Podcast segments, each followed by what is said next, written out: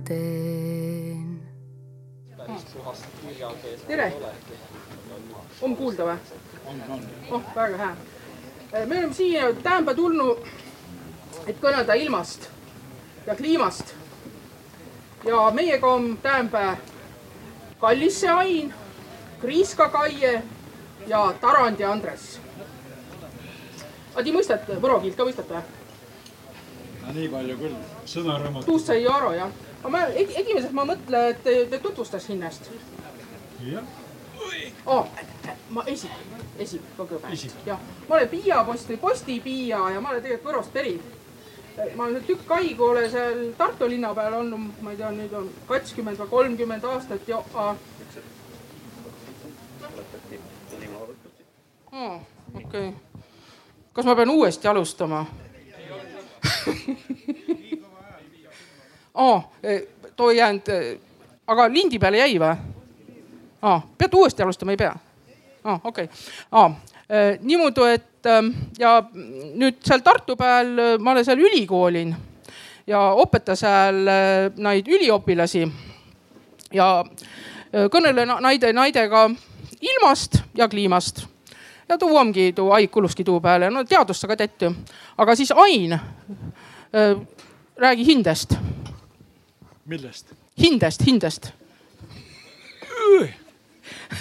ei, sa võid istu ah. ja sa võid istuda, ma olen sääne, kes on harinud kõnelema seisten. mina, mina olen ka harjunud seistes kõnelema, ainukene, kui ma kuulsin Räägi hindest, siis mul tuli meelde, et üleeile ma jagasin just tudengitele hindeid ja hakkasin mõtlema, et keda see huvitab. Äh, muidugi täna on kõige äh, põhilisem rääkida ilmast ja kliimast ja kui ma siia sõitsin, siis mõtlesin, et see on väga tore koht, kuna Kagu-Eesti on Eestis ainukene koht, kus Eh, esineb ka kohalikke ilmasid. sellepärast enamasti alati Eestis eh, domineerivad importilmad, kõik, mis meile välismaalt saadetakse, kõik see avaldab meile mõju. Aga ainult eh, Kagu-Eestis on põhiliselt niisugune koht, kus arenevad kohalikud äikesepilved ja sajab kohalikku vihma, nii et selles mõttes on ta väga tore koht.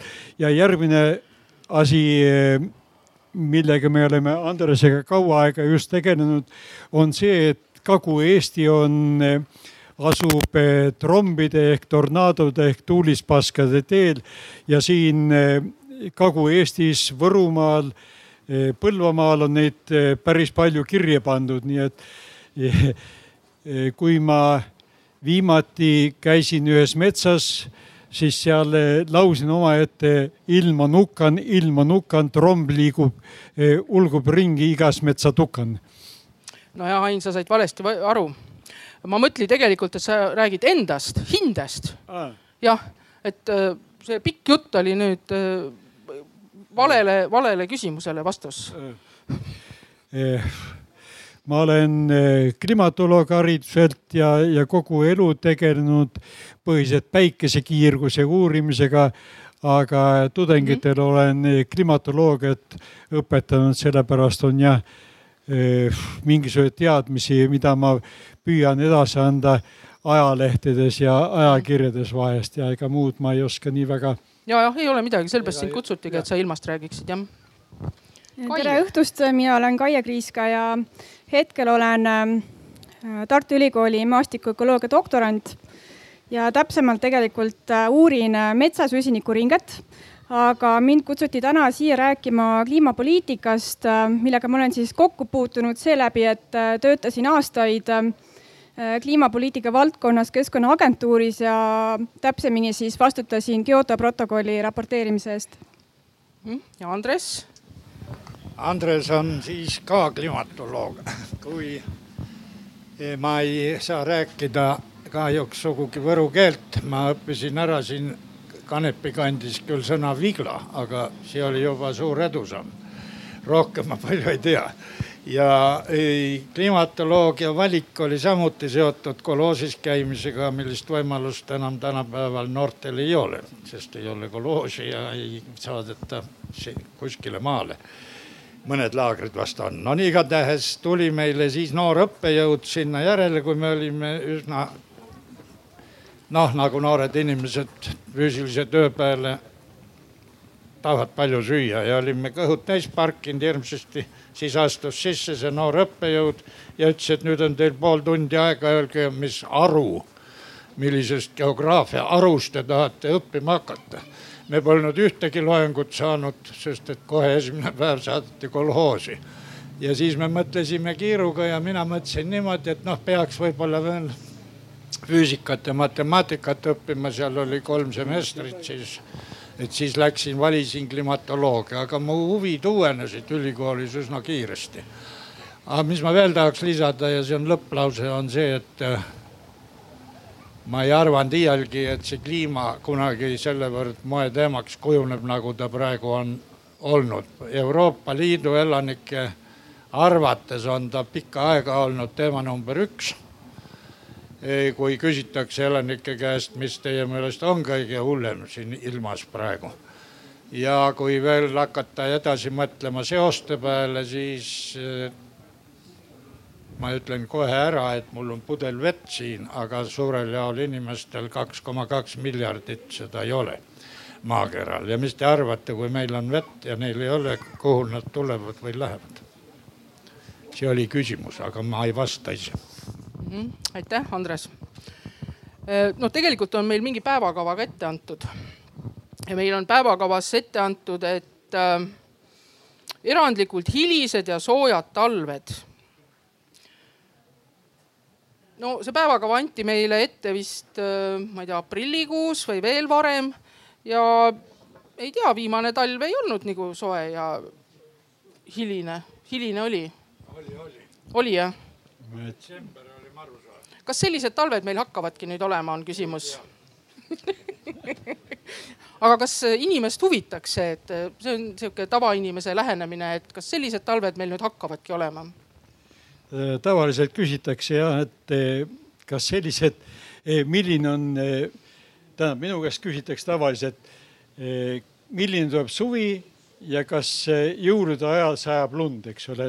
alati ma vastan, et tahaks isegi kangesti teada, sellepärast et noh, seda me ei tea, me teame, kui ma vaatan endi koduleheküljelt ja küsin siin tuttavatelt sünoptikutelt mis kolme päeva pärast eh, juhtub, seda nad oskavad öelda, aga mis on juba nädala pärast, see on noh, me ise kõik teame juba, et see on kaunis kahtlane asi ja, ja mis eh, suvel juhtub, no seda me keegi ei tea, rääkimata sügisest ja talvest.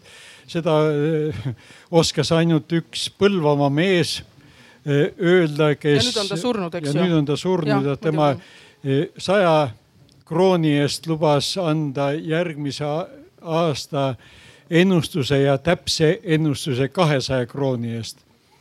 ja aga nüüd on kroonid ka läinud. nüüd on kroonid ja. läinud ja. ja, ja, ja nüüd me seda ennustust enam ei saa, see on tõesti halvasti. aga siin on kirjutatud ka niimoodi, et äh, vihmavaba jaanipäev, see oleks praegu hea ennustus. kas tuleb vihmavaba jaanipäev? Andres no vihmavaba jaanipäev on eh, samasuguse tõenäosusega nagu juunikuus üldse vihmasajud, nii et vaadake kuskilt järele, kui suur on sajupäevade arv juunikuus. ma arvan, et see on umbes pooled, aga ma panen peast praegu, see ei ole teaduslik nii et, et sellest tuleneb ka jaanipäeva vihmasada, see, et, et inimesed arvavad, et alati vihma sajab, tuleb lihtsalt meie olemusest, et meile hirmsasti ei meeldi, et rikub jaanilaupäeva ära. ja siis tuleb see arvamus, oh alati sajab, aga tõsiasjad on veidi paremad. Ei saja alati, aga mõnikord kohe hullusti ja hirmsasti no eks see sõltub tegelikult ju ka sellest, et äh, kus me vaatame, kus sajab, kas seal, kus mina olen või Eestis üldiselt. et ma saan aru, et neid jaanipäevi, kui, kus Eestis üldse kuskile ei saja, et neid on suhteliselt harva. aga kui mingis konkreetses kohas vaadata, siis ilmselt on tõesti umbes fifty-fifty. umbes ja, aga tähendab äh, seal, kus ei saja, neid päevi on äh, noh, ütleme kümnest, kümnest kaks, ütleme on selliseid aastaid küll, kus ei ole tibagi vihma tulnud, aga inimesed alati unustavad ära täpselt, täpselt ilmamälu on üks lühemaid mälusid. nii et üks ajakirjanik küsis et ka millal viimati on sellist trombi või tuulispask olnud ja ma ütlesin, et kus kandist te olete. ma olen Võrust, ma ütlesin, et eh, viie aasta eest oli väga hävitav tromb oli eh, Rõuges, kas te mäletate seda? kuule, ei mäleta tõepoolest ja, ja niimoodi see on. noh, tänapäeval muidugi, kui on eh, meil Facebook ja muud sellised meediavahendid siis äh, võib jäädagi selline mulje, et äh, trombe ja, ja vesipükse või ka teisi ohtlikke nähtusi on suhteliselt rohkem, sest inimesed jagavad neid pilte. Nad ei jaga kunagi seda pilti, et, et noh, igav ilm on, et noh, pilvealune ja, ja, ja vihma sajab, eks ju, mingit sihukest ühtlast vihma sajab, et sihukest pilti tavaliselt keegi ei jaga, aga kui mingi huvitavam ilmanähtus on, siis neid pilte tuleb palju ja sellepärast muidugi paljudel inimestel ilmselt jääbki selline mulje, et neid ongi rohkem mis ilmselgelt noh, ei ole tõde.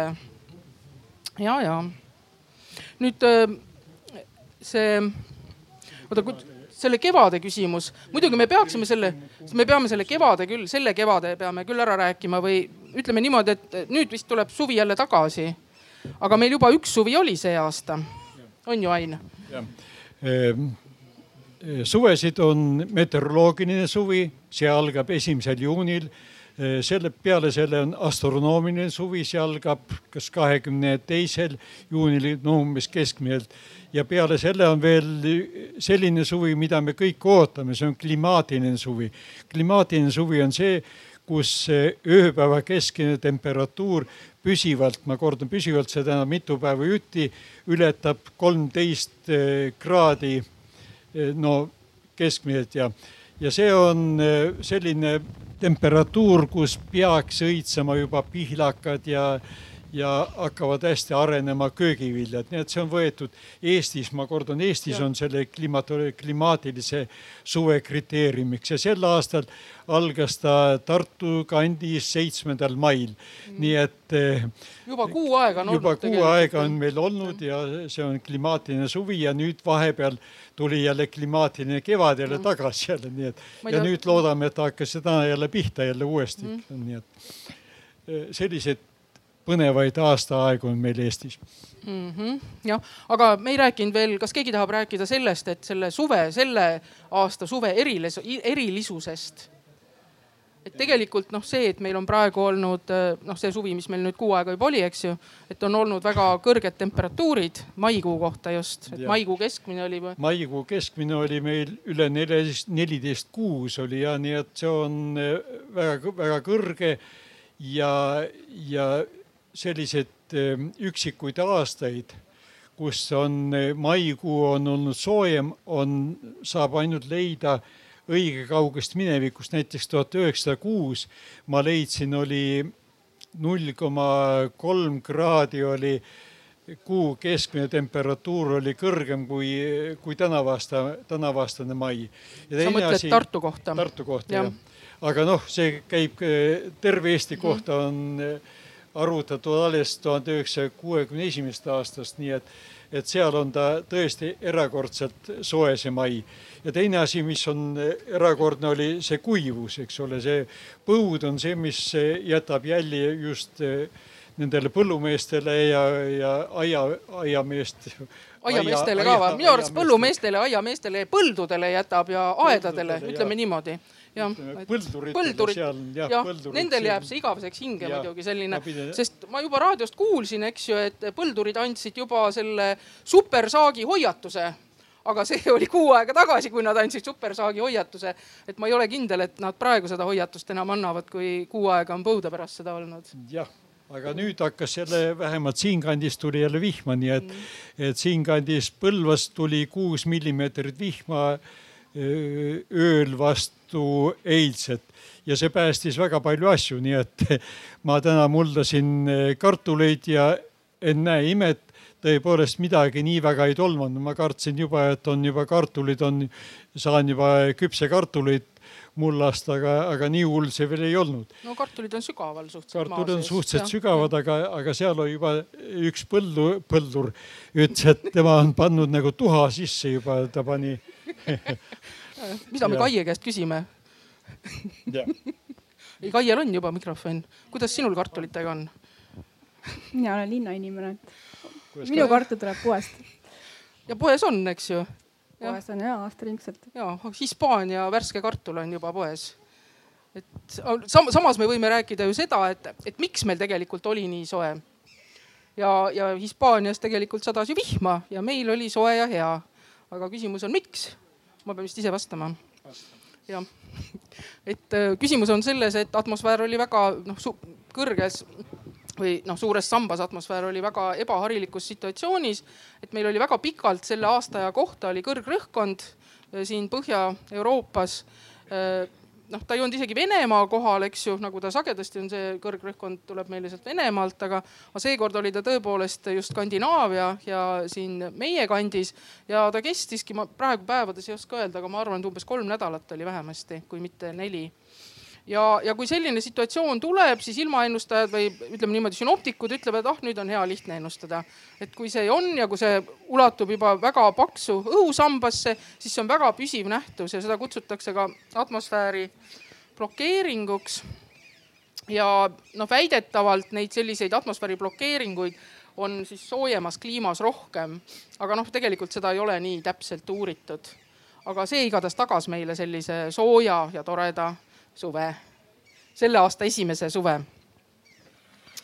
nii oh,, võib-olla räägiks nüüd ka kliimast.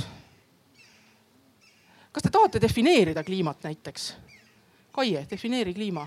Kai on mul üliõpilane olnud muidugi, et me saame nüüd kontrollida seda seda teadmist jah, et ühesõnaga nii palju, kui ma mäletan, siis see kliima on äh, pikaajaliste ilmastikutingimuste kogum, eks ole, umbes kolmekümne aasta jooksul oli see periood, mis ta nimetatakse kliimaks see on Ain, Annile meeldib ka see definitsioon. ja, et ja. selles suhtes äh, ma jätaksin äh, sellised definitsioonid ikkagi meie kliimatoloogide ja, ja, et sina tahaks rohkem nagu poliitikast äh, rääkida, eks pigem jah, äh, võtaksin sõna, kui nüüd edaspidi hakatakse rääkima kliimamuutustest mm. ja kliimapoliitikast. et nojah, see on niimoodi, et mida, kuidas teha vahet ilmal ja kliimal?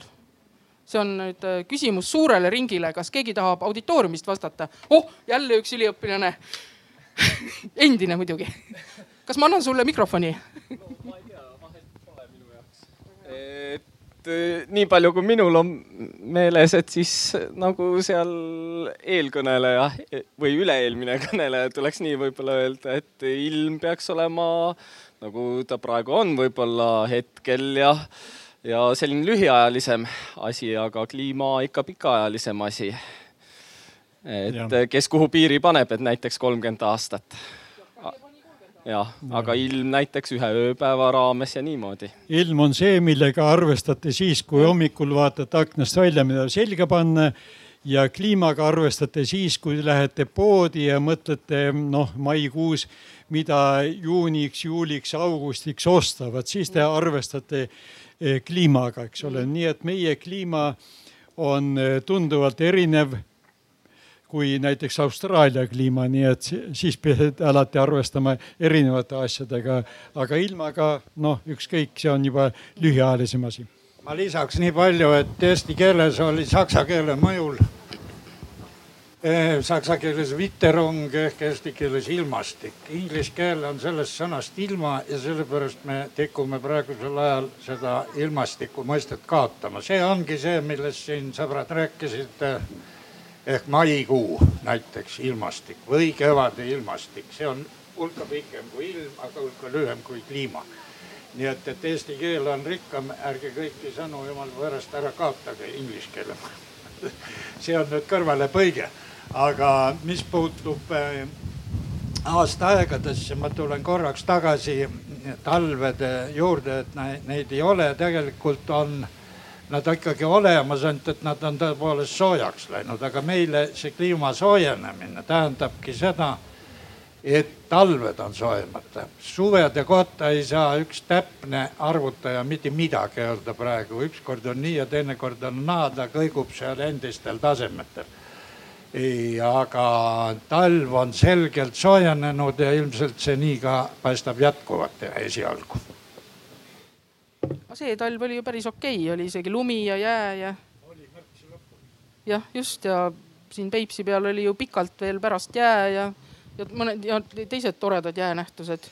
no ja, ja huvitav on see, et ma just paar nädalat tagasi lugesin Vene ajakirjandust ja seal just üks klimatoloog kommenteeris, et Ehm, inimesed on väga harjunud ära juba soojade talvedega ja nii, et kui tuleb üks selline korralik talv, siis küsitakse, et nüüd on siis see lõppenud see rääkimine kliima soojenemisest ja, ja on tõesti juba on sellised külmad tagasi, talved tagasi tulnud. tegelikult see on normaalne keskmine talv on tulnud tagasi, aga mitte, eh, mitte sellised erakordsed külmad talved ja see muidugi, kui külmad talved tulevad, see tekitab alati suurt paanikat, näiteks eh, kahe tuhande viiendal aastal oli, olid kuuldused oktoobrikuus, et tuleb tuhande aasta kõige külmem talv, eks ole, ja siis hakati otsima, kustkohast see sõnum tuli ja see tuli Poolast ja vaat Poola klimatoloogid ja Poola meedia ei suutnud leida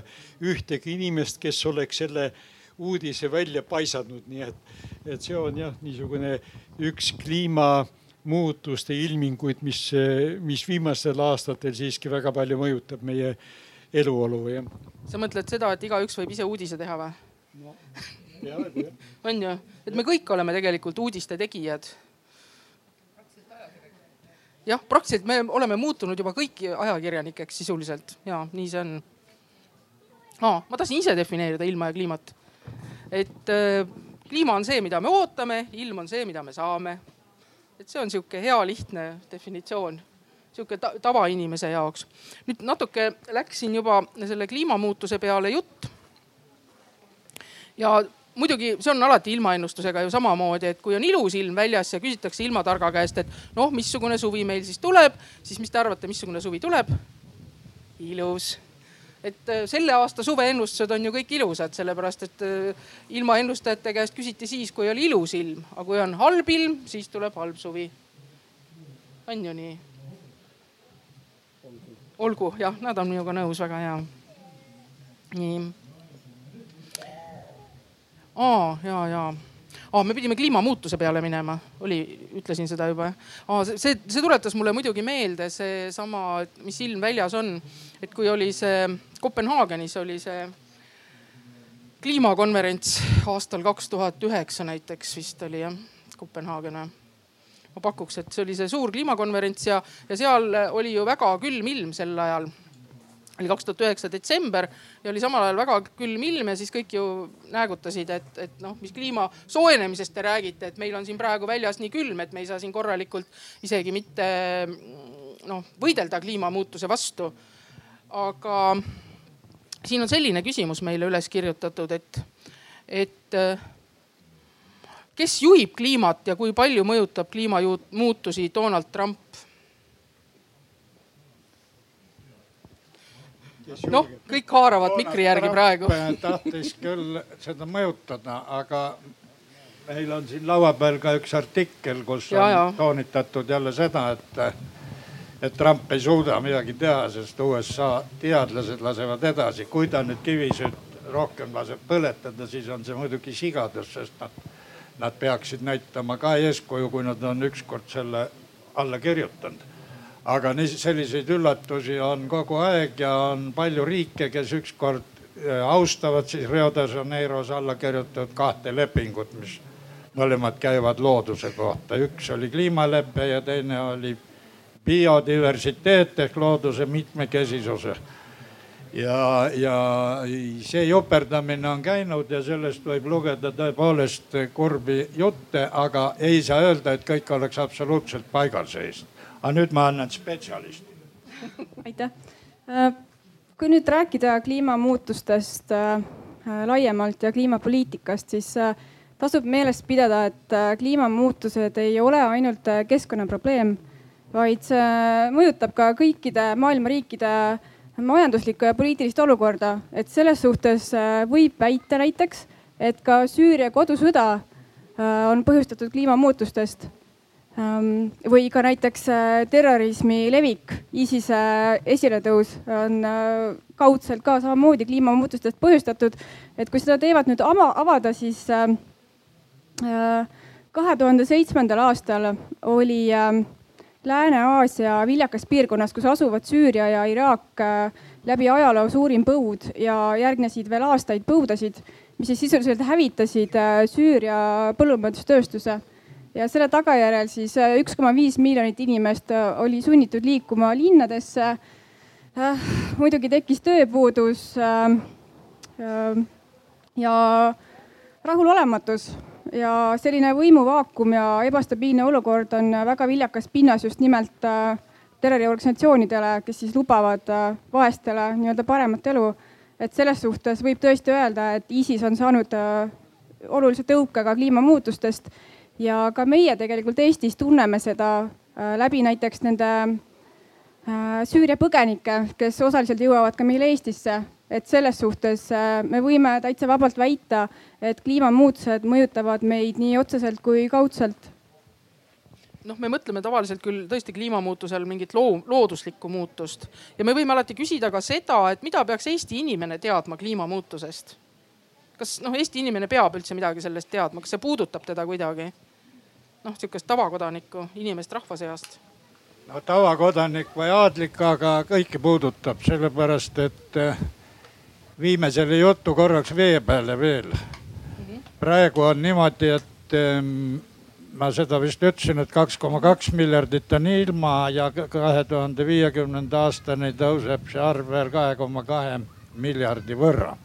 see on sellepärast, et veepuudus, joogivee puudus on kõige suurem Indias ja Aafrikas ja need kasvavad. muud maailma kandid enam nii palju ei kasva. ja see tähendab seda, et kui inimesel ei ole vett, tavainimesel või jällegi neil teistel, siis ometigi muutub ta üsna lühikese ajaga mõnevõrra kas segaseks või hakkab midagi ette võtma, mis võib olla mitmesugune tegevus, võib karata naabrile harja, kellel on vett. selle peale on julgeolekunõukogule esitatud projekt, kuidas neid sõdu vältida, mis vee pärast käivad, aga kas sellest aitab, ei tea ja nii edasi ja eestlased, kuigi me oleme õnnistatud rohke veega ja meil ei ole vaja karta, et meil vesi otsa saab, me võime teda ainult veel ja veel rohkem ära saastada. aga mida me teeme janus põgenikega? kui me juba mõne sajaga läksime, hakkasime vägagi vinguma ja ei, ei noh, poliitiliselt eriti halvasti reageeriti, tükati nii et eh, see peaks olema väga selge rida ja mis ma veel lisan, me võime seda mm, võib-olla süvendada. aga kõik kõhklejad, kes ei, hästi ei usu ja ei, ma ei usu ja nihukest juttu räägivad, siis ometigi tuleks nüüd uskuda, sest jääd sulavad, mis müriseb ja kõik polaarjääd alates Arktika ookeanist, teiseks Gröönimaa, kolmandaks Lääne-Antarktika, neljandaks Igikelts need sulavad kiirendatud tempos. see tähendab, et mageveevaru maailmas tervikuna, mille moodustasid liustikud kuuskümmend kaheksa protsenti, see väheneb. ise jutt on, kas me jääd juua saame, ei saa, aga, aga ta, see varu oleks olemas. nüüd see sulab, läheb merre ja läheb soolaseks. nii et see puudutab meid üsna, üsna lähedalt no ma tahaksin meelde tuletada seda, et Ehm, just Andrese juhtimisel teostati e, e, esimene e, kliimamuutuste mõjude hinnang. see oli alustatud tuhat üheksasada üheksakümmend kuus ja. sa mõtled Eesti jaoks? Eesti jaoks jah. ja see oli ja seal esimesel kohal tulemuste osas oli eelviimasel leheküljel või seal oli, et Eh, Eestit ähvardab kliimamigrantide sissevool, kui kliima peaks soojenema nii nagu meie eh, arvutused ette nägid. Ja aga see kliimamigrandid ei olnud, ei olnud, keda me arvasime tulevad, ei olnud mitte Süüria ega ega Aafrika, vaid olid just Itaalia ja Hispaania millegipärast, kui mäletame jah.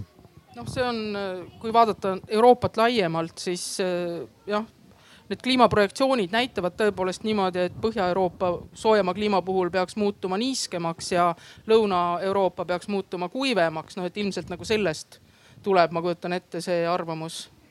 sest kui globaalseid kliimamudeleid ja projektsioone vaadata, siis sealt see niimoodi tuleb välja. Eesti on umbes selle koha peal, kus aru ei saa, kas on nii või naa. Et meist põhja pool üldiselt peaks niiskemaks minema ja meist lõuna pool kuivemaks mm., aga aga see, kus see piir täpselt on, ega seda ei tea keegi ja noh, ega need kliimaprojektsioonid osaliselt toetuvad ju samamoodi äh, niinimetatud kasvuhoonegaaside stsenaariumitele, mis tegelikult toetuvad siis inimkäitumisele ja tegelikult me ei tea, kuidas inimkäitumine tulevikus toimuma hakkab. et sina, Kaie, olid seotud nüüd selle viimase äh, Eesti kliima, ma ei tea, adapteerumise ja kliimamuutusega adapteerumine ja ma ei tea, mhm. adapteerumine ja kohanemine on üks ja sama, aga mis see teine oli siis? Äh, üks on leevendada, kliimamuutuste leevendamine, leevendamine, leevendamine ja kohanemine jah, et sa olid nagu sellega seotud. tõsi, jah. mis järeldustele te jõudsite? eelmisel aastal võttis Eesti parlament siis vastu esmakordselt Eesti äh, kliimapoliitika põhialused aastani kaks tuhat viiskümmend ja kliimamuutustega kohanemise arengukava ja sellega seotud äh, rakenduskava. Ja see on väga mahukas dokument, mille töös ma osalesin ka ise, mille töös osalesid üle saja teadlase Eestis ja selle dokumendi raames siis äh, äh, ühesõnaga selgitati välja, et millised on kliimamuutuste mõjud Eestis ja kuidas siis äh, sellega hakkama saada ja kuidas siis tulevikus näiteks äh, muuta näiteks meie energiasüsteeme või kuidas äh, edasi minna metsamajandamisega ja nii edasi. et äh, ja see dokument äh, on ka Keskkonnaministeeriumi kodulehel väljas. kõik võivad lugeda, lühendatud versioon on umbes viiskümmend lehekülge. Võrreldes selle tuhande leheküljelise originaalversiooniga on see päris hea ja on hinnatud, et ähm, need meetmed, mida me siis välja tõime selles dokumendis, kuidas siis Eestis äh, kliimamuutustega hakkama saada, need meetmed, äh, nende meetmete maksumus on umbes nelikümmend miljonit eurot see on vähe jah, tegelikult, kui, kui mingit riigieelarvet vaadata või siis nelikümmend miljonit on vähe. aga keda tegelikult muu mõjutaks kõige rohkem see kliimamuutus? oskad sa, Hein, vastata või? See kliimamuutused peaks kõige rohkem mõjutama meie metsakasvatajaid. asi on selles, et eh, viimastel aastatel, aastakümnetel on tulnud juba väga palju võõrliike eh, Eestisse, mitte ainult eh, taimi, vaid just putukaid ja näiteks taevaskojas üraskid annavad kaks põlvkonda aastas juba. nii et see olevat juba erakordne, erakordne sündmus. peale selle on Ukrainast tuleb igasuguseid eh, setikaid ja satikaid, mul praegu ei tule enam kõike meeldegi. Neid on vähemalt paarkümmend niimoodi ja, ja siis eh, võõrhaigused, mis kahjustavad meie puid, näiteks punavööt, eh, tõbi männil mis eh, kukutab eh, mändidele okkaid ja nii, et neid on õige palju, nii et, et eh, põllumehed võivad olla suhteliselt õnnelikus olukorras, kui nendel kasvuperiood pikeneb, aga just õnnetud olevat metsa, metsamehed ja samal ajal jälle õnnelikumas olukorras olevad turismi arendajad, kuna nendele, nendel arvatakse saabuvat suvel rohkem eh, selliseid turiste, kellel meeldib selline paras eh, suvi, mitte põrgu kuum ja kuiv eh, Itaalia või Hispaania suvi. ja, aga muidugi ta talvised turismitingimused muutuvad jälle halvemaks.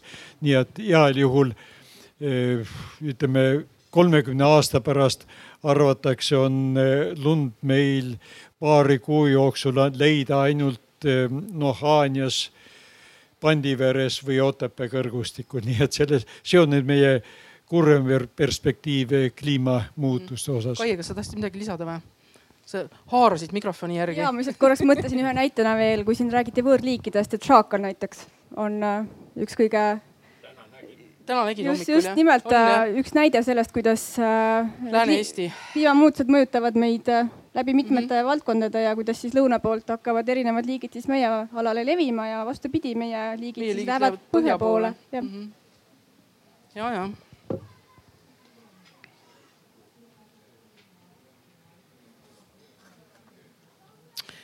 aga mida me saaksime siis ette võtta, et nende kliimamuutustega kohaneda?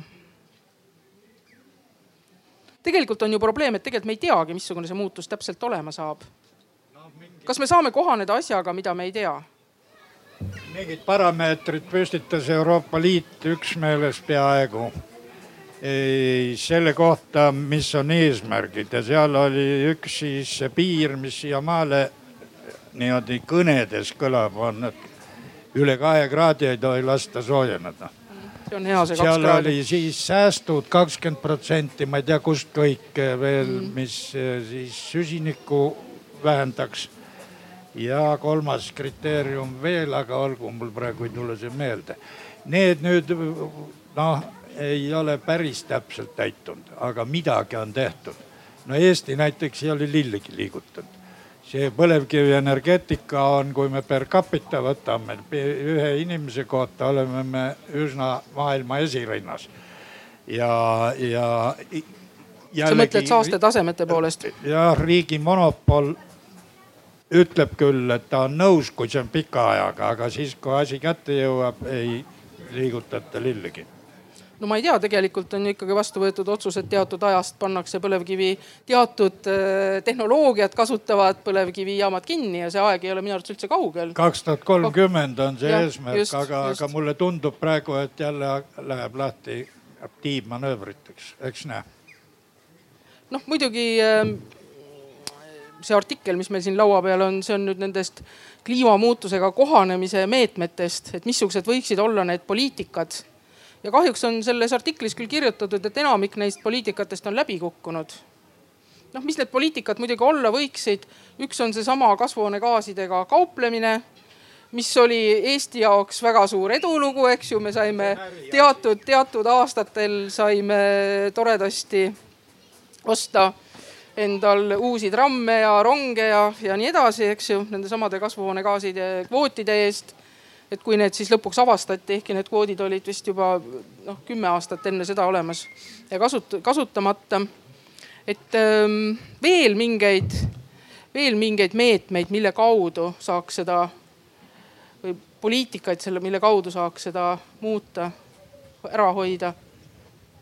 no kõige olulisemad ongi siis äh, rahvusvahelised kliimalepped. Äh, kõigepealt Kyoto protokoll mis siis äh, sõlmiti üheksakümne seitsmendal aastal ja see kehtib äh, aastani kaks tuhat kakskümmend. ja Kyoto protokollile järgneb siis Pariisi kliimalepe, aga paraku peab tõdema, et mõlemad need lepped on läbi kukkunud. Ähm, üks neist, ühe periood praegu kestab teadupärast Pariisi oma? ei, Pariis tegelikult algab pärast Kyotot ja, ja. Kyoto periood ei ole veel läbi saanud? Kyoto saab läbi kaks tuhat kakskümmend. ja läbi kukkunud äh, Kyoto on seetõttu, et äh, esiteks äh, selle raames anti või pandi siis arenenud riikidele kohustus vähendada kasvuhoonegaase viis protsenti ja kusjuures ainult arenenud riikidele, näiteks arengumaadele või siis üleminekumajandusega riikidele nagu Hiina mingisuguseid kohustusi ei pandud. ja siinkohal on oluline öelda, et Hiina on siis esikohal, esi, esisaastaja maailmas, et äh, kellelt pärineb siis kolmkümmend protsenti kõikidest kasvuhoonegaasidest ja tegelikult äh, näiteks USA, kes äh, Kyoto allkirjastas, astus sellest välja, väites, et see läheb lihtsalt liiga kalliks maksma sama triiki teeb Trump ka hetkel äh, ning ähm, lõpuks siis äh, Kyoto eesmärke täitsid ainult äh, vähesed riigid, Eesti, Läti näiteks, eelkõige tegelikult selle al alusaasta tõttu, mis oli tuhat üheksasada üheksakümmend üks. vanad need Nõukogude Liidu riigid ja no tegelikku tulemust nagu kasvuhoonegaaside vähendamise tulemust sellest Kyotost üldse ei tulnudki. Ähm, ja nüüd uus Pariisi kliima, kliimakokkulepe erineb Kyotost selles suhtes, et äh, kui Kyoto leppes pandi kõikidele riikidele üks kindel eesmärk, kui palju nad peavad vähendama kasvuhoonegaase, siis Pariisi leppes äh, iga riik sai ise äh, nii-öelda omapoolse panuse anda äh,. ise valida. ise valida, et kui palju nad on võimelised kasvuhoonegaase vähendama aga sellega on see probleem, et eesmärk oli hoida äh, globaalne temperatuuri tõus kahe kraadi, kraadi piires. aga praeguste panustega ehk siis nende kasvuhoonegaaside vähendamise kohustustega ei ole võimalik hoida temperatuuri tõusu kahe kraadi piires. et isegi kui kõik riigid suudaksid oma nii-öelda neid kohustusi täita, siis äh, siiski tõuseks globaalne temperatuur kolme kraadini või isegi rohkem ja teine probleem Pariisi leppe juures on see, et äh, see ei ole õiguslikult siduv. Äh, igaüks võib välja astuda. see on, see on nii ja naa selles suhtes, et ähm, riigid pidid nii-öelda need kasvuhoonegaaside vähendamise panused kirja panema ja nad peavad neid raporteerima. aga kui nad seda kohustust ei täida ja kui nad ikkagi äh, emiteerivad rohkem, siis äh, sellele ei järgne mitte mingisuguseid sanktsioone. see on nagu riigi enda vaba tahe lihtsalt, et päästa maailma aga noh, küsimus on muidugi alati selles, et äh, see kaks kraadi suht, mille suhtes, tööstusrevolutsiooni eelse aja suhtes ja. on see kaks kraadi, eks ju. no umbes üks kraad on täis praeguseks jah, jah see, et üks kraad on siis jäänud. aga mis aja jooksul see kaks kraadi on, seda ei ole öeldud või lihtsalt sajandi lõpus jah mm? -hmm. no sinna ikka veel on aega, jah jah, seda küll. nüüd muidugi äh, siin öeldakse ka seda nende strateegiate või, või nende meetmete kohta, et äh, need poliitikad, mis on välja, välja mõeldud ja kokku lepikud, lepitud, et need ei tööta ise.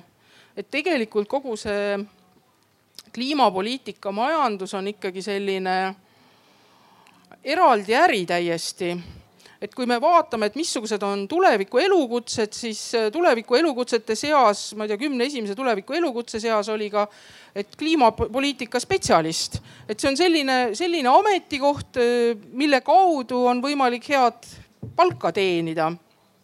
nii et, et jah et seesama rohemajanduse küsimused on seal ju samamoodi taga, et, et lahti saada, eks ju, üldse fossiilsetest kütustest ja noh, paljudel riikidel muidugi on äh, see noh seotud energeetikaga või noh, ütleme niimoodi, enamusel riikidel on see seotud energeetikaga, sealhulgas muidugi ka Eestil. ja need ähm, äh, eesmärgid, mis on, on paljudel riikidel ka tegelikult täidetud. ma arvan isegi selle äh, Kyoto protokolli suhtes no tuleb öelda siiski ühe asja, et äh, kaksteist aastat tagasi umbes oli üks inglasest parlamendisaadik, kes ütles, kui seda süsiniku müüki börsil muudeti ja läks veel lõdvamaks ja Eesti sealt kasu sai. et nüüd on see pankurite käes ja enam midagi head välja ei tule. ja nii, nii umbes juhtus, sellepärast et Eesti, mille peale ta oli tubli, et Vene-aegne norm oli aluseks üheksakümmend. ja, ja, ja, ja see oli nii tohutu suur, sest et me tootsime ju kõigile eksportisime elektrienergiat. eks ta pisut läks Vene poole ka no,, aga palju. mitte viimastel aegadel mm. palju mm. -hmm et noh, tegelikult äh, on, on siin kirjutatud ka seda, et, et äh, just nendest fossiilsete kütuste äh, vähendamisest, et need strateegiad on sagedasti üles ehitatud sellele, et riik maksab, maksab kellelegi peale aga noh, selline pealemaksmine on näiteks Saksamaal või ma ei mäleta, mingis teises riigis oli veel. sest Saksamaal on ju need noh, näiteks päikeseenergia on olnud aastaid väga soositud ja iga, igaüks pani endale päikesepaneelid katusele tänu sellele, et riik ostis ära suhteliselt hea hinnaga nende käest elektri. no Eestis see päris nii ei ole.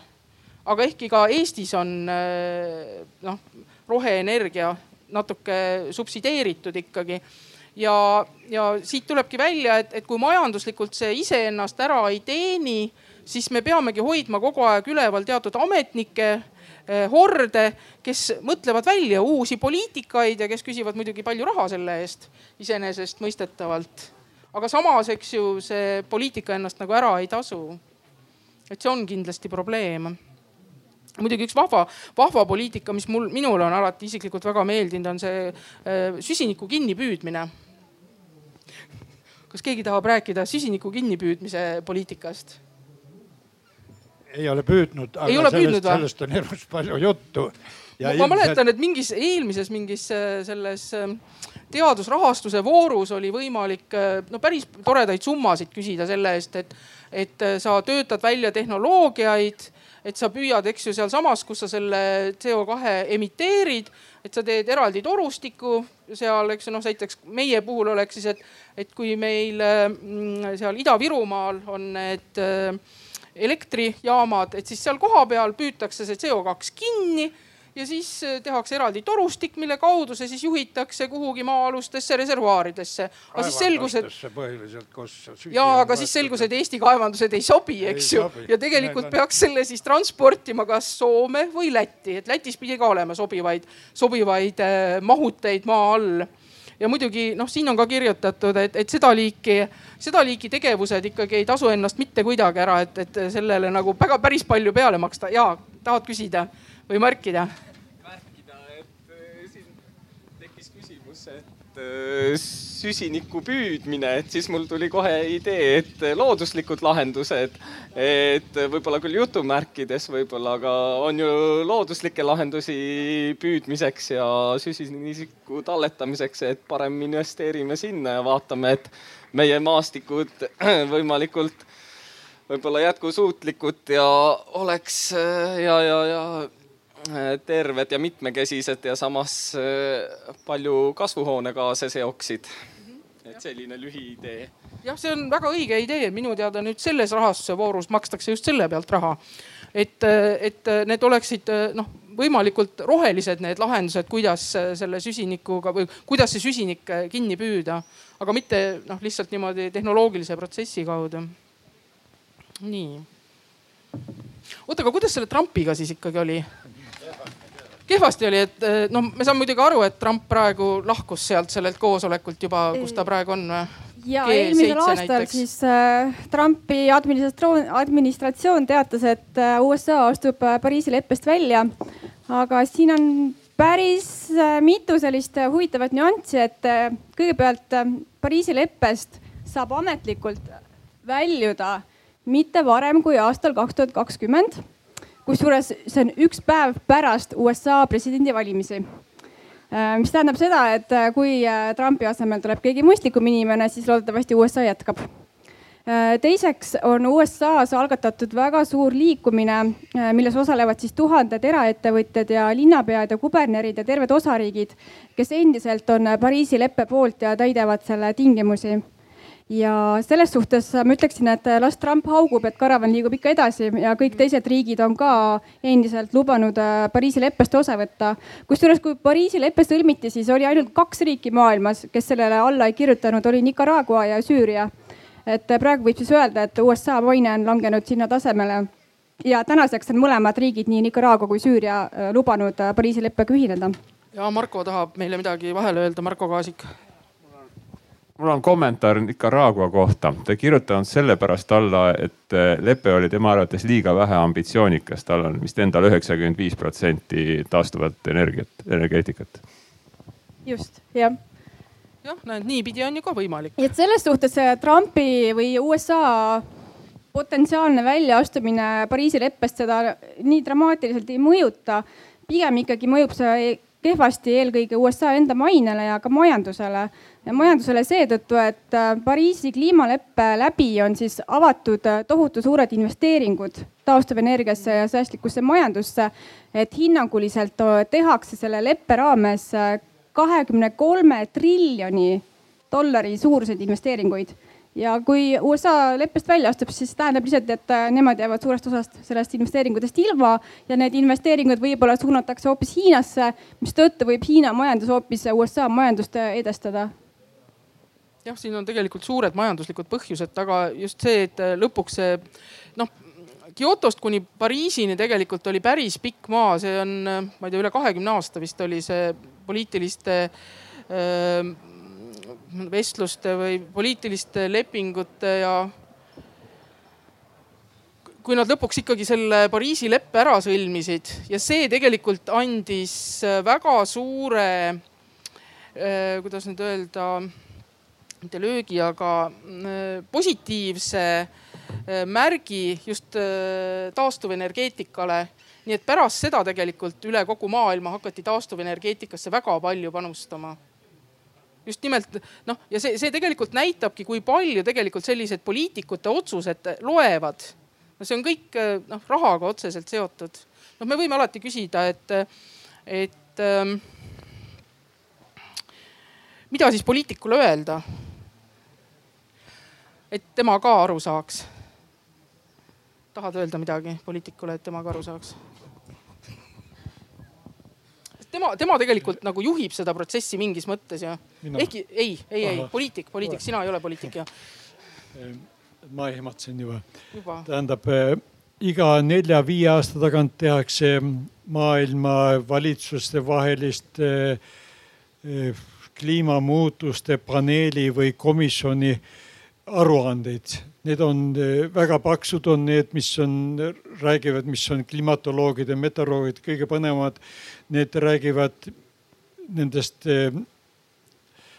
kliima ja ilma andmetest, eks ole, siis on natukene õhemad köited, on see no leevendamise ja adapteerumise kohta ja siis on hästi õhukene vihikukene, see on poliitikutele.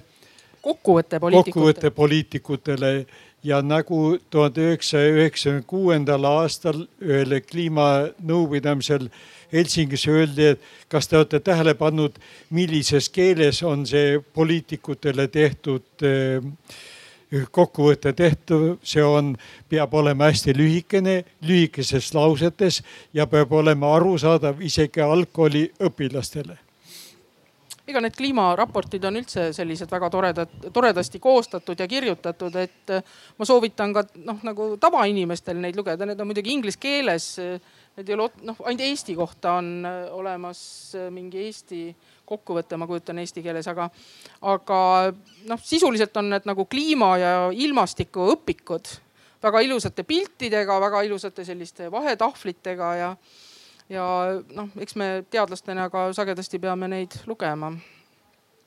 nii, ma vaatan, kas meil on midagi äh, veel plaanis. Äkki on küsimusi auditooriumist ja härra Igor Taro. ja aitäh, et äh, kas te võiksite algklassi õpilasele selgeks teha, kas kliima on siis iseenesest staatiline asi, et see ei muutu mitte kunagi? Äh, ja teine asi, et äh, kas kasulikum kliima seisukohalt oleks siis metsi raiuda või need raiumata jätta? aitäh me kõik võime siin ühest suust öelda, et, et eh, me teame, et kliima on muutunud, muutub kogu aeg ja jääbki tulevikus muutuma. ainukene asi on see, et, et eh, kuidas seda, kas meil on võimalik seda kliima muutumist mõjutada mingil moel või mitte, see on, vaat see on väga suur küsimus. aga noh, siin ei ole mingisugust eh, küsimustki, meie kõik kogu see auditoorium ja siin esinejad teame, et, et metsi ei maksa, maksa maha võtta ilma, ilma, ilma mõtteta, eks ja ole. ilma, ilma mõjudeta jah ja., sest minu isa ütles alati, et, et see, et Krimmi metsad maha võeti, see tõi suure, suured kuivad alad Krimmi et neil oli juba kooliõpikusse kirjutatud, ta oli sündinud aastal tuhat üheksasada kakskümmend kaheksa. aitäh lugesin just Rooma klubi viimase raporti ja seal lubatakse selle aasta saja lõpuks äh, temperatuuri tõusu. Noh, keskmist muidugi kolm kraadi. sellega seoses, mida see tähendab Läänemere pinna tõusu? Ja sealhulgas Pärnu linnaliku kuulust endale. küsimus oli siis, et kui lubatakse sajandi lõpuks kolmemeetrist, kolmekraadist temperatuuri tõusu, et kuidas see mõjub Läänemerele ja tema pinna kõrgusele? kes vastab? esimeses töös, mida Ain siin nimetas, ei suudetud meie mereteadlaste poolt sellele küsimusele veel vastata. Nüüd on asjad kindlasti täpsemaks läinud, aga Läänemeri on teatavasti väga erandlik, sest ta on madalate Taani väinadega nagu ookeanidest ära lõigatud ja see käib natukene isemoodi kui ookeanides. aga praegu, mis on teada, et ühest millimeetrist mitte väga ammu tagasi on ammu kaks ületatud ja praegu on vähemalt kolm millimeetrit aastas tõuseb maailmameri. See ei ole mingi midagi õudset. see, see annab meile aega küll, aga ühesõnaga nihukeseks aastaks kaks tuhat ükssada hakkab see juba suurlinnasid suruma maa poole tagasi ehk mägedesse või kuhugi. sest et olulised osad linnast jäävad vee alla, no see on meetri jutt umbes. et ta ei ole jälle kohutav katastroof veel, aga siiski on need suured suur, või suurlinnad tihtilugu ka sadamalinnad asuvad madalal. No muidugi kõik meie geoloogid alati rahustavad eh, meie saarlasi ja, ja Lääne-Eesti elanikkonna elanikke selle läbi, et nad ehm, ütlevad, et täpselt samasuguse tempoga nagu Läänemeri, Läänemere tase tõuseb, tõuseb ka meie rannik, eks ole, tänu sellele, et, et meie no Skandinaavia vabanenud, on vabanenud jää. ikkest. ikkest jah, aga samal ajal jälle Eesti on jälle nagu noh, sellise laua peal, eks ole, kiige peal. sama palju umbes nii nagu Lääne-Eesti saared kerkivad, nii sama palju jälle siin Kagu-Eesti jälle madaldub, eks ole, nii et see Värska estuaar, see kogu aeg laieneb, eks ole, nii et see on just tingitud sellest, et siin, siin maapind jälle vajub jälle, nii et, et see on ühed asjad, mis, mis alati eh, peab eh, selge, selgeks endile tegema selle Läänemere taseme tõusu suhtes, jah kas ei olnud mitte nii, et Pärnust alates meie Läänemere rannik eh, langeb või? tõuse? tõuseb jah no.. Põhja poole tõuseb mm. jah. ta põhja poole tõuseb, aga lõuna poole mitte. lõuna poole laskub just. noh, ta pöördub niimoodi. see läheb järjest suuremaks kuni selle Kaliningradi oblastini välja ja, või mis ta ja, nimi ja, praegu on, ma ei teagi, on ikka Kaliningrad. jah, vist küll. et, et seal on juba täiesti suured äh, varingud selle tõttu toimuvad. kaugemad jah. aga noh, muidugi väga huvitav on ju see, sa ütlesid siin, et Taani väinadega on Läänemeri seotud ähm, Atlandi ookeani või Põhjamerega et väga huvitav on see, et mis muutub äh, Läänemere soolsusega seoses, seoses sellega. et kas tegelikult, kui, kui äh, maailmameri tõuseb, et kas tegelikult hakkab rohkem sealt vett sisse voolama ja kas siis, eks ju, kuna Läänemeri on tegelikult väga magedaveeline meri või noh, tegelikult ta polegi päris meri, vaid ta on äh, noh maismaa aluspõhjaga. et äh, kas siis muutub meil meri soolasemaks või vähem soolaseks ja vähem, vähem soolane vesi oleks tegelikult elusorganismide seisukohalt palju ohtlikum kui soolane vesi. nii et tegelikult, kui sealt see sissevool suurem, suureneb, et siis mingis mõttes võib ökoloogiline seisund tegelikult Läänemeres paraneda.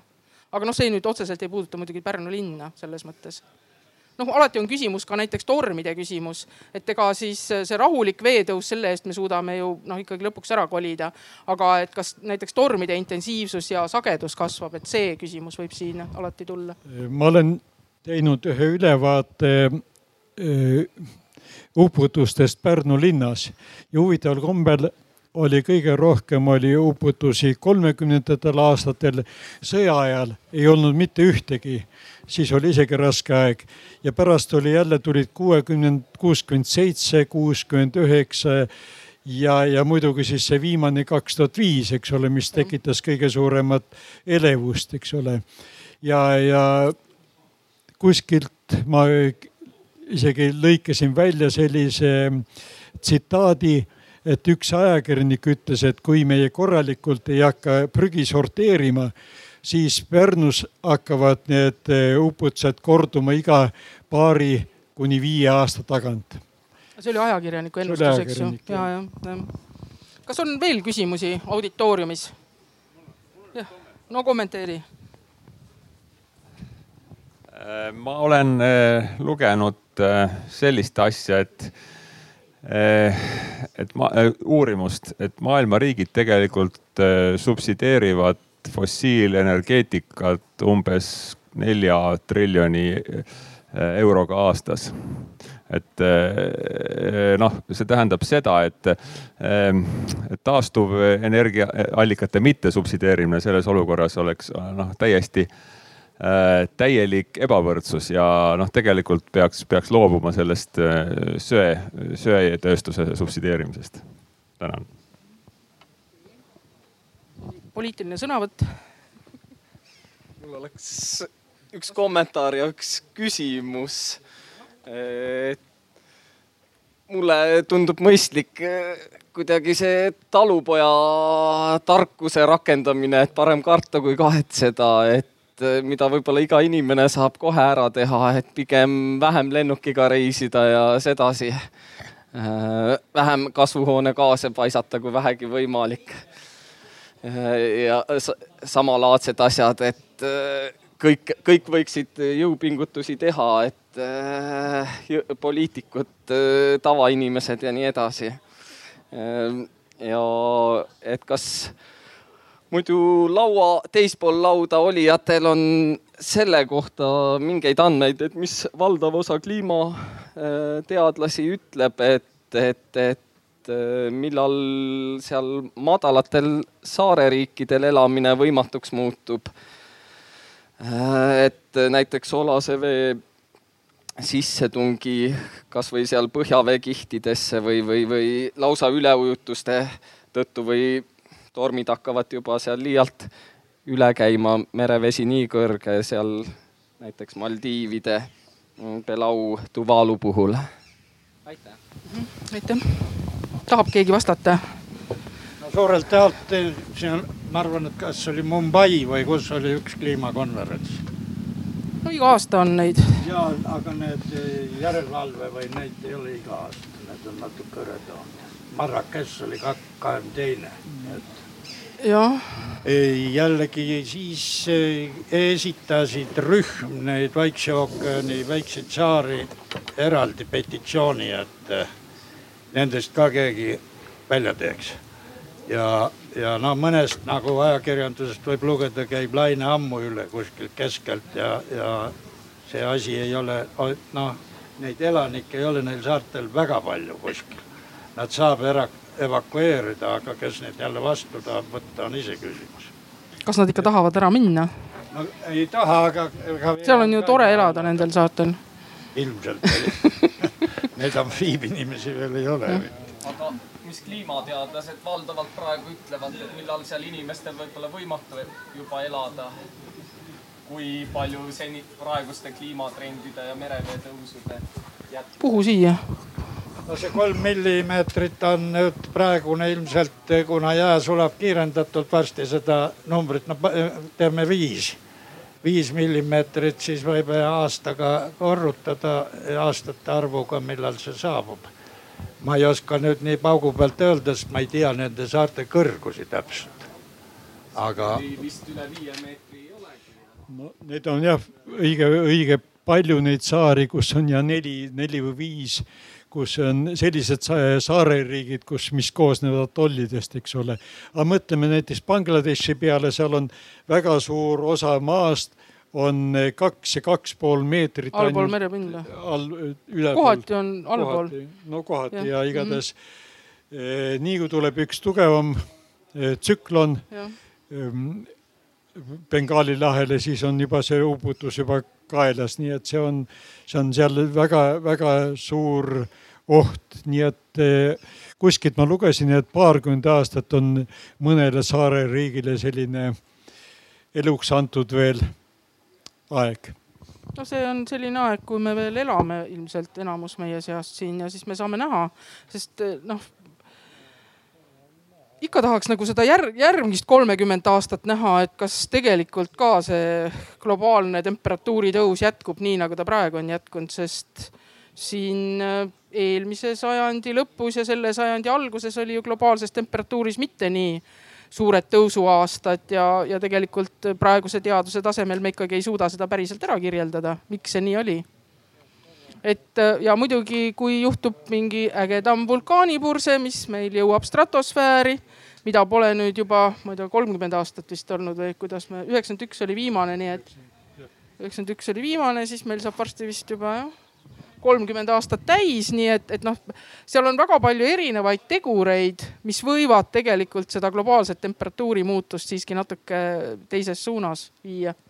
ja üldiselt on tegelikult ikkagi kliimasüsteem päris hästi tasakaalus ja me ei tea just neid asju, sagedasti neid tagasisidemeid, mis on niinimetatud negatiivsed, mis toovad nagu tasakaalu seisundisse tagasi üks, üks positiivne no. Eh, sõnum veel, tähendab noh, see ei ole nüüd sõnum, aga eh, alates tuhande üheksasaja kolmekümnendatest aastatest on Tartus mõõdetud päikesekiirguse eh, läbipaistvust ja see, mis, mis näitab atmosfääri puhtust, eks ole.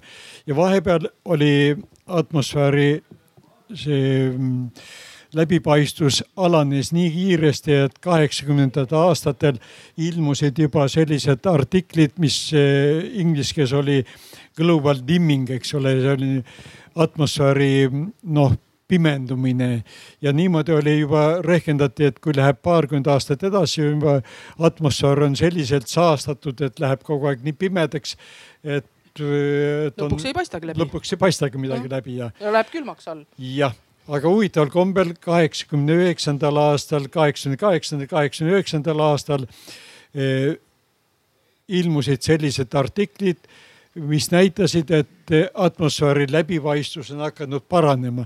esimest korda peaaegu ilmnes see meil Tartus ja meil Tartus eh, märkasime, et atmosfääri läbipaistvus hakkas tunduvalt paranema ja praegusel ajal on ta jõudnud kolmekümnendate aastate läbipaistvuseni, nii et kui te vaatate seda eh, sinist taevast, siis eh, mõelge selle peale, et meil atmosfäär on tegelikult päris puhas mitmesuguste aerosoolidest ja igasugust muust saastast. muidugi siin on väga suur teene selles, et kaheksakümnendatel aastatel, kui hakkas Nõukogude Liit lagunema, siis eh, pandi Kirde-Eestis paljud saastavad tehased kinni ja samuti tõhustati korstnate filtreid, nii et sealt on tulnud muidugi see eh, selline efekt, aga muidugi selline efekt on eh, täheldatud mitte ainult meil Eestis ja Ida-Euroopas, vaid peaaegu suures osas maailmas, välja arvatud Hiinas, Indias. no see on ja... lokaalne saaste ja, seal juba jah, sest Saastab. Eestis on ilmselgelt see lokaalne saaste oluliselt vähenenud. samas on ju on, et kuna stratosfääri pole ka ammu aerosooli juurde tulnud, siis noh, ka globaalne saaste on selles mõttes vähenenud. Äh, jah, küsimus või? aa, ma lootsin, et küsimus on, kas kellelgi on veel küsimusi?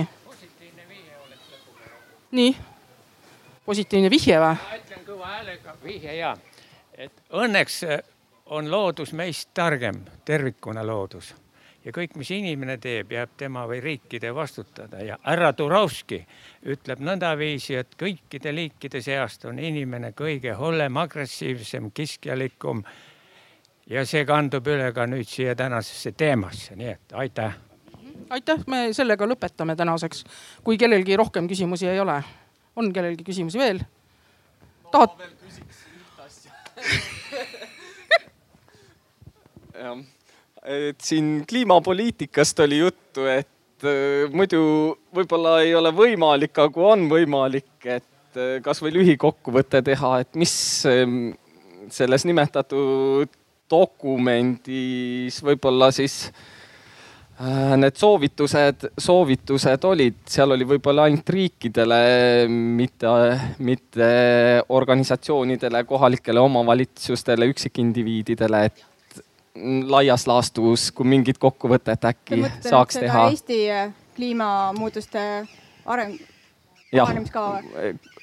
Te mainisite vist soovitusi nii-öelda no... kliima, kliimasõbralikuks käitumiseks. ja no kõige suurem eesmärk on üleminek madala süsinikumajandusele. ühesõnaga muuta kogu tööstus, transport, energeetika, kõik eluvaldkonnad äh, efektiivsemaks äh,, säästlikumaks äh,, kasutada rohkem äh, taastuvenergiat ja nii edasi seal konkreetsemalt oli ka välja toodud, et millised äh, soovitused detailsemalt siis või? No selles suhtes. et kuidas jah, seda saavutada? Euroopa Liit on niisugune koht, kus on kokkulepped, sisemised Euroopa Liidu omad aga teiste riikidega ei keela keegi, kui mida paremini nad teevad neid tõrjevahendeid ja kohanemist, seda parem on, kõik plaksutavad ilmselt. aga häda on selles, et viilitakse ikkagi enamasti millestki kõrvale ja jälle ei saa teha. on majanduslikud põhjused, mis tegelikult on noh, monopolide värk tavaliselt. nii et, et on nii ja naa midagi tehakse ja midagi jäetakse tegemata, aga peaks tegema üheskoos kogu aeg ja järjekindlalt. jah, mina muidugi kliimateadlasena, mulle meeldiks, kui kliimateadlastele rohkem raha antaks, et me saaksime tegelikult ka kliimat uurida. Mitte ainult, mitte ainult seda, et, et kuidas, kuidas kliima muutub, vaid ikkagi ka seda, et noh, miks see nii on ja selliseid põh, põhjuslikke seoseid rohkem. ja mit-, jah, just ma ei tea, ma ikka hea meelega, ma lugesin kokku, meil veel kümme kuulajat oli, aga rohkem oli või oh,? ei, ma mõtlen praegu, praeguseks on juba suur hulk on lahkunud, et ma siis tänan kõiki, kes meil osalesid. Et aitäh, et tulemast siia Lõuna-Eestisse ja aitäh mulle ka, jah.